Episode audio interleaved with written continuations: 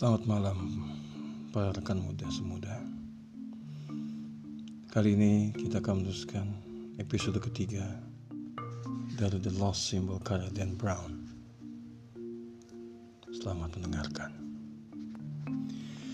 Aku adalah artefak Ikon yang berevolusi. 18 jam sebelumnya seorang lelaki melihat Malach telanjang dan berteriak ketakutan. Astaga, kau iblis. Jika itu anggapanmu, jawab Malach. Seperti orang-orang kuno, Malach memahami bahwa malaikat dan iblis itu identik. Dua arti kata yang bisa dipertukarkan. Hanya masa popularitas, malaikat penjaga yang menaklukkan musuhmu dalam peperangan akan dianggap oleh musuhmu sebagai iblis penghancur. Kini Malach menunduk dan secara tidak langsung bisa melihat puncak kepalanya.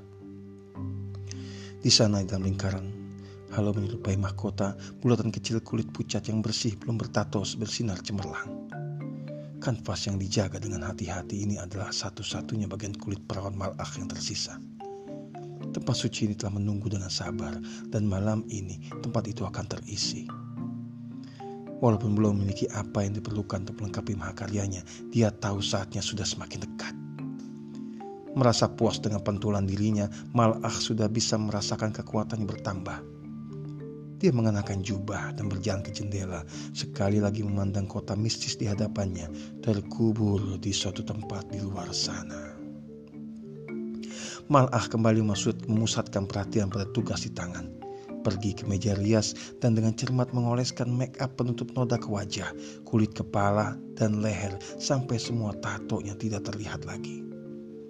Lalu dia mengenakan baju setelan khusus dan benda-benda lain yang telah disiapkannya dengan cermat untuk malam ini.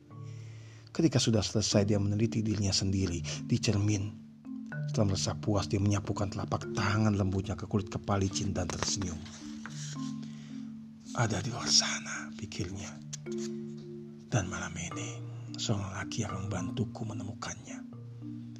Ketika meninggalkan rumah, Malach menyiapkan diri untuk menghadapi kejadian yang akan segera mengguncang gedung US Capitol. Dia sudah bersusah payah untuk menyatukan semua bagian yang akan memunculkan kejadian malam ini. Dan kini akhirnya pion terakhir sudah memasuki permainan. Robert Langdon sedang sibuk meninjau kartu-kartu catatannya ketika dengung roda-roda tahun car berubah di jalanan di bawahnya. Langdon mendongak dan terkejut melihat daerah mereka berada. Ah, sudah di jembatan memorial. Dia meletakkan catatan-catatannya dan memandang keluar ke perairan tentang tenang sungai Potomac yang mengalir di bawahnya. Kabut tebal melayang di atas permukaan Foggy Bottom, nama yang cocok, selalu tampil ganjil sebagai tempat untuk membangun ibu kota negara. Dari semua tempat di dunia baru, para leluhur memilih rawa basah di tepi sungai untuk meletakkan batu pertama masyarakat utopia mereka. Langdon memandang ke kiri, ke seberang Tidal Basin, ke arah siluet membulat, Anggun Jefferson Memorial, Pension Amerika. Demikianlah banyak orang menyebutnya. Persis di depan mobil Lincoln, memorial tegak dengan kesederhanaan kakunya, garis-garis ortogonal yang mengingatkan pada kuil Parthenon kuno di Athena. Tapi lebih jauh lagi baru Langdon melihat bagian terpenting kota menara yang sama yang telah dilihatnya dari udara.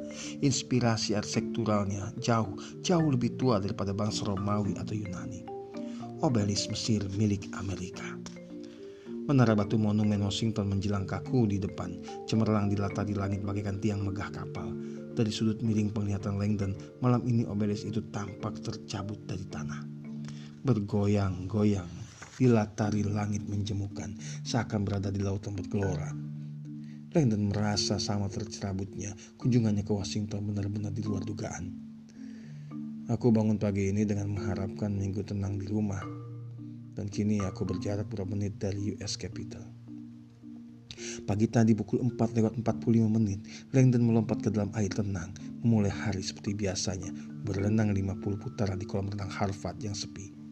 Perawakannya sudah tidak seperti pada masa kuliah dulu sebagai atlet polo air Amerika, tapi dia masih ramping dan berotot. Cukup terhormat untuk lelaki di usia 40-an. Satu-satunya perbedaan hanyalah besarnya usaha yang dia perlukan untuk mempertahankannya. Biasanya ketika tiba di rumah sekitar pukul 6, Langdon memulai ritual pagi dengan menggiling biji-biji kopi Sumatera dan menikmati aroma eksotis yang memenuhi dapur. Akan tetapi pagi ini dia dikejutkan oleh lampu merah yang berkedap-kedip di layar voicemailnya. Siapa yang menelpon pukul 6 pagi di hari Minggu? Dia menekan tombol dan mendengarkan pesannya. Selamat pagi, Profesor Langdon. Maaf sekali menelpon sepagi ini. Suara sopan itu jelas terdengar bimbang dengan sedikit aksen selatan. Nah, nama saya Anthony Zelbart dan saya asisten eksekutif Peter Solomon, kata Mr. Kata Mr. Solomon, Anda selalu bangun pagi-pagi sekali. Beliau berusaha menghubungi Anda pagi ini karena urusan yang sangat mendesak. Segera setelah menerima pesan ini, bersediakah Anda menelpon langsung Peter? Mungkin Anda punya nomor telepon pribadinya, tapi jika tidak, nomornya 202-329-5746. Mendadak mengkhawatirkan teman-temannya itu. Peter Solomon bertabiat sangat baik dan sopan, dan pastilah bukan jenis orang yang menelpon di waktu fajar di hari Minggu. Kecuali terjadi sesuatu yang sangat gawat. Lendo meninggalkan kopinya setengah matang dan bergegas menuju ruang kerja untuk membalas telepon itu. Ku harap dia baik-baik saja. Peter Solomon adalah teman, mentor, dan walaupun usia mereka hanya terpaut 12 tahun, merupakan sosok ayah bagi Langdon semenjak perjumpaan pertama mereka di Universitas Princeton. Sebagai mahasiswa tahun kedua, Langdon diharuskan menghadiri kuliah dosen tamu malam hari yang disampaikan oleh sejarawan dan filantrop muda yang sangat terkenal. Solomon berbicara dengan kegerahan yang gampang menular memberikan pandangan menakjubkan mengenai semiotika dan sejarah arketipe yang menyalakan dalam diri Lang dan minat yang kemudian menjadi kegairan humor hidupnya terhadap simbol. Akan tetapi bukan kejeniusan Peter Solomon melainkan kerendahan hati dalam mata kelabu lembut itu yang memberi Lang dan keberanian untuk menulis surat ucapan terima kasih kepadanya. Mahasiswa tingkat dua itu tidak pernah bermimpi bahwa Peter Solomon adalah seorang intelektual muda paling mempesona dan paling kaya di Amerika akan membalas suratnya.